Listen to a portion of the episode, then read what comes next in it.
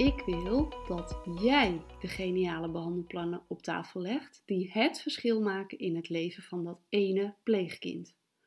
Plannen waar simpele, doeltreffende handvatten voor pleegouders in staan, zodat ze te dragen zijn. Simpel dus. En als ze effectief zijn, dan blijft het te dragen en groeit de motivatie bij pleegouders om ermee door te gaan. Ik wil dat jij de expert bent die het verschil maakt in een pleeggezin en niet een externe hoeft in te huren met alle tijd en energie die erin gaat zitten om toestemming te verkrijgen om die ene externe expert in te mogen zetten. Jij hebt veel kennis en het team waarin je werkt is een samensmelting van verschillende disciplines waar heel veel kennis in zit. En je hebt natuurlijk je externe bronnen die je kunt raadplegen voor verdiepende kennis en inzichten als je er niet uitkomt. En met die kennis doorgrond je elk pleegkind. Je ziet de oorzaak van gedrag, maar je kunt eindeloos doorgronden.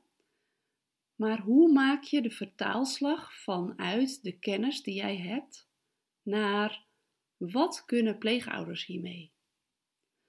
Als je alles in kaart hebt, wat kun je daar dan mee?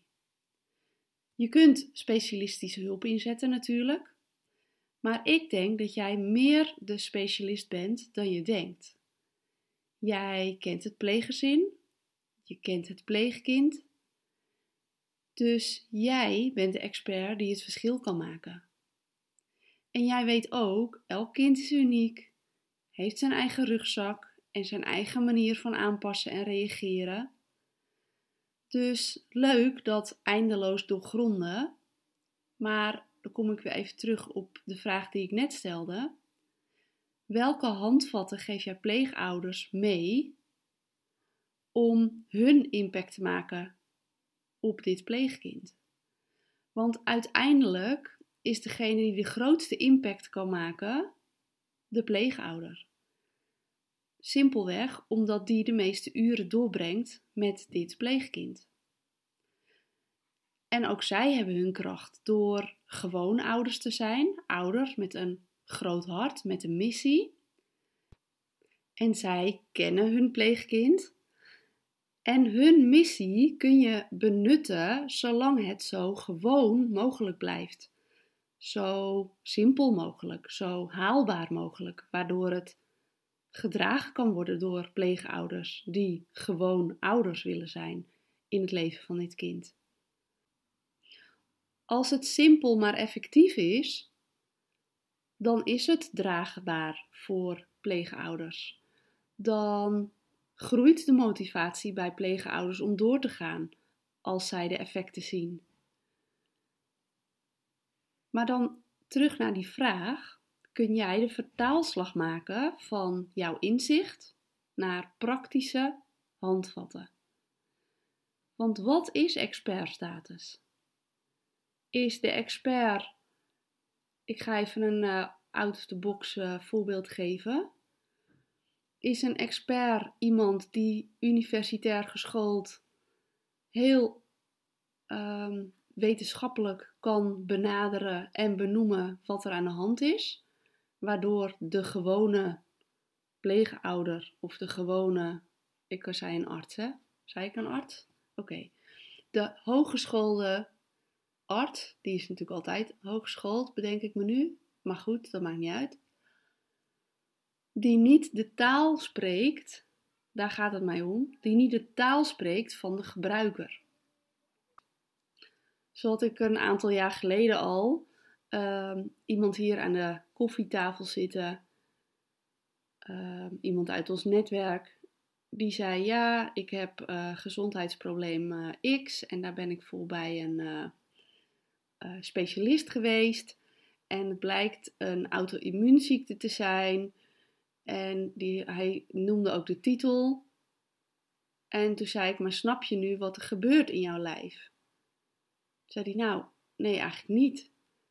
Dus heb je er behoefte aan als ik je uitleg hoe dat werkt? Wat er fysiek eigenlijk gebeurt? leuk dat etiketje, leuk die Latijnse benaming van een uh, uitzonderlijk voorkomende ziekte. Wil je dat?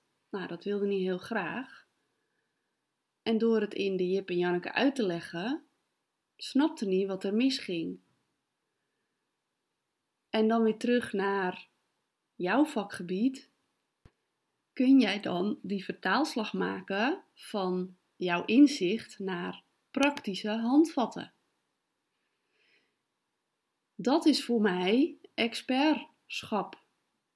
Ik wil dat jij die expertstatus gaat ownen, gaat voelen en gaat neerzetten. En jouw kennis gaat vertalen in die praktische handvatten voor pleegouders. En daardoor ga jij het verschil maken in plaats van een extern ingehuurde expert. Want wat doe jij liever? Jouw expertschap inzetten in het gezin. Alleen door de werkzaamheden sneeuwt dat onder door alle administratieve taken die jij hebt. Maar je kunt een papierwinkel invullen om toestemming te vragen voor een therapie die vervolgens afgewezen wordt door een invulfout of zonder jouw medeweten al wordt ingezet in een pleeggezin tot frustratie van dit gezin die jou belt met de vraag waarom jij hier niet betrokken bij bent, waarom jij niet de terugkoppeling hebt gedaan wanneer ze van start zouden gaan. Natuurlijk heb je jouw verantwoordelijkheden en voel jij heel goed waar de grens ligt van jouw kunnen. Maar ik denk dat jij met jouw kennis en met die simpele, doeltreffende vertaling naar handvatten voor pleegouders veel meer impact kunt maken, waardoor minder tijd van jou gevraagd wordt om externe therapieën aan te vragen, externe experts in te gaan zitten huren, de papierwinkel die daarmee gemoeid gaat, de vragen die er vervolgens over gesteld worden voordat het allemaal in gang gezet gaat worden. En natuurlijk ken jij jouw grenzen. Weet jij wanneer externe experts wel nodig zijn. En dan is die papierwinkel iets wat er gewoon bij hoort om van A naar B te komen. Waardoor er ook veel minder frustratie bij komt kijken om die papierwinkel in te vullen. Want dit kind heeft die expert nodig, die externe expert. Maar jouw expertschap sneeuwt onder zolang jij het niet naar je toe trekt, waardoor je veel te veel achter je pc zit om een ander het verschil te laten maken in een pleeggezin. En te vaak wat jij beter, effectiever en vertrouwder had kunnen doen. Simpelweg omdat jij het gezin kent, het pleegkind, de situatie en veel meer kennis hebt dan je denkt. Ik wil dat jij die geniale behandelplannen op tafel legt, die het verschil maken in het leven van dat ene pleegkind.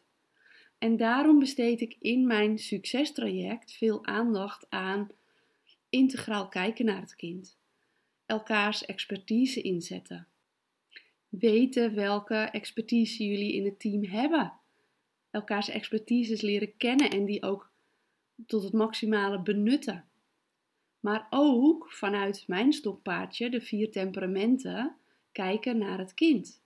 En vanuit die simpel maar effectieve manier van kijken, jouw visie simpel en krachtig kunnen vertalen en kunnen neerleggen in praktische handvatten voor pleegouders, waarmee jij het verschil maakt.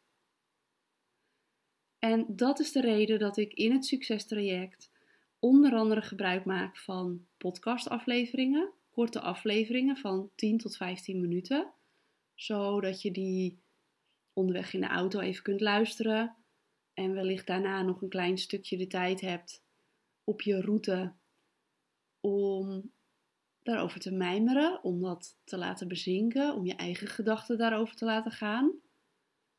Om in een trainingsdag met je team onder mijn leiding integraal te kijken naar het kind, elkaars expertise te leren kennen en de vier temperamenten te integreren in hoe jij naar kinderen kijkt en hoe je die vertaalslag dan maakt naar de pleegouders toe.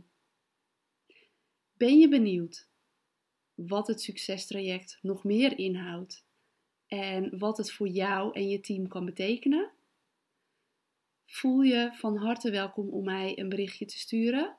Dan gaan we in gesprek en hoor ik heel graag jouw verhaal waar jij tegenaan loopt. En ga ik jou een plaatje schetsen welke rol ik daarin zou kunnen spelen. Stuur me een berichtje op LinkedIn of stuur me een e-mailtje. Ik zal de links naar die kanalen hieronder delen in de show notes. En dan sluit ik deze podcast aflevering voor jou af voor vandaag. En ik wens jou nog een hele mooie dag. Tot de volgende aflevering.